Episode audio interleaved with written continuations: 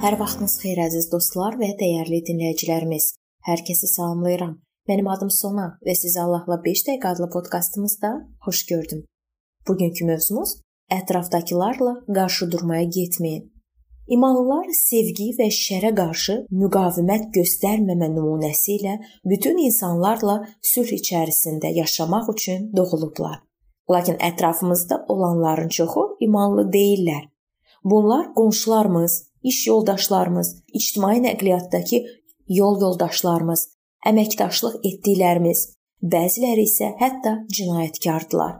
Romalılara məktubda 12-ci fəsil 18-ci ayədə belə adamlara qarşı necə münasibət göstərməli olduğumuz yazılıb. İmkan daxilində bacardıqca bütün adamlarla sülh içində yaşayın. Əgər avtomobiliniz varsa, onu ehtiyatla idarə etməlisiniz sizi yolda sıxışdıra, yumruq silkəliyə, üstünüzə qışqıra və ya məsuliyyətsiz yanaşa bilərlər. Biz buna görə digər hərəkət iştirakçılarından qisas almalı deyilik. Onlarla davaya da çıxa bilmərik. Həmişə qızıl qaydaya əməl edin. Maddə 7.12-də yazılıb. İnsanların sizinlə necə rəftar etməsini istəyirsinizsə, siz də onlarla elə rəftar edin. Çünki Qanun və peyğəmbərlərin söylədiyi də elə budur. Məhkəmə iddiaları barədə bəs necə? Müqəddəs kitabda məhkəmə iddiaları ilə rastlaşdıqda necə hərəkət etməli olduğumuz yazılıb. İsa dedi: Matta müjdəsi 5-ci fəsil 40-cı ayə. Səni məhkəməyə verib köynəyini götürmək istəyənə üst paltarını da ver. Niyə məsihçilər digər insanlarla məhkəmədə çəkişməməlidirlər? 1-ci Korinflərə 6 1-dən 8-ci ayəyə qədər 5 səbəbi göstərək. Qardaşlarını məhkəmə çəkişməsinə cəlb etmək biabırçılıqdır. Bu 1-ci ayədə yazılıb.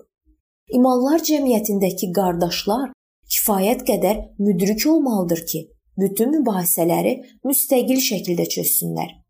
Bu barədə 2-ci ayədən 5-ci ayəyə qədər yazılıb və dünyəvi məhkəmələrə müraciət etməsinlər.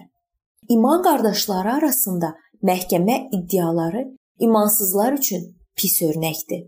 Bu 6-cı ayədə yazılıb. Başqa adamlarla çəkişmək üçün məhkəməyə müraciət etmək yanlış addımdır. 7 və 8-ci ayələrdə yazılıb bu.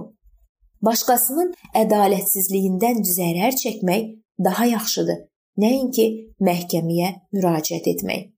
Bu fikir də elə 7-ci ayədə yazılıb. Bəs iş yerində bizi incidən və ya şərləyən iş yoldaşımızdan heyf çıxmağa çalışmamalıyıq. Belə şər hərəkətə qarşı xeyirxah olmalı və Romalılara 12-ci fəsil 20-21-ci ayələrdə deyilənlərə əməl etməliyik. Düşmənin acdırsa, onu yedizdir. Susuzdursa, ona su ver. Belə etməklə sanki onun başına köz tökərsən. Pislik sənə üstün gəlməsin. Pisliyə yaxşılıqla qalib gəl. Bundan əlavə biz silah-sursat istehsal edilən yerlərdə çalışmamalıyıq.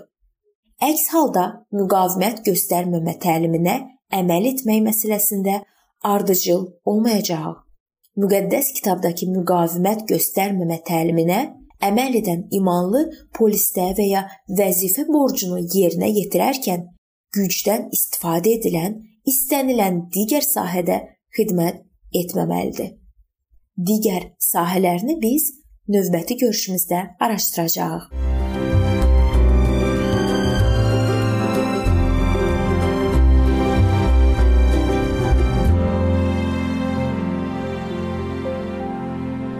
Beləliklə əziz dostlar, Bu yerdə bu mövzu sona çatdı. Hər zaman olduğu kimi sizi dəvət edirəm ki, bizim podkastlarımızı Facebook səhifəmizdən və YouTube kanalımızdan dinləməyə davam eləyəsiniz. Hər hansı bir sualınız varsa, bizə müraciət etməyə çəkinməyin. İndi isə mən sizinlə sağollaşıram və növbəti görüşlərdə görməyə ümidi ilə sağ olun, salamat qalın.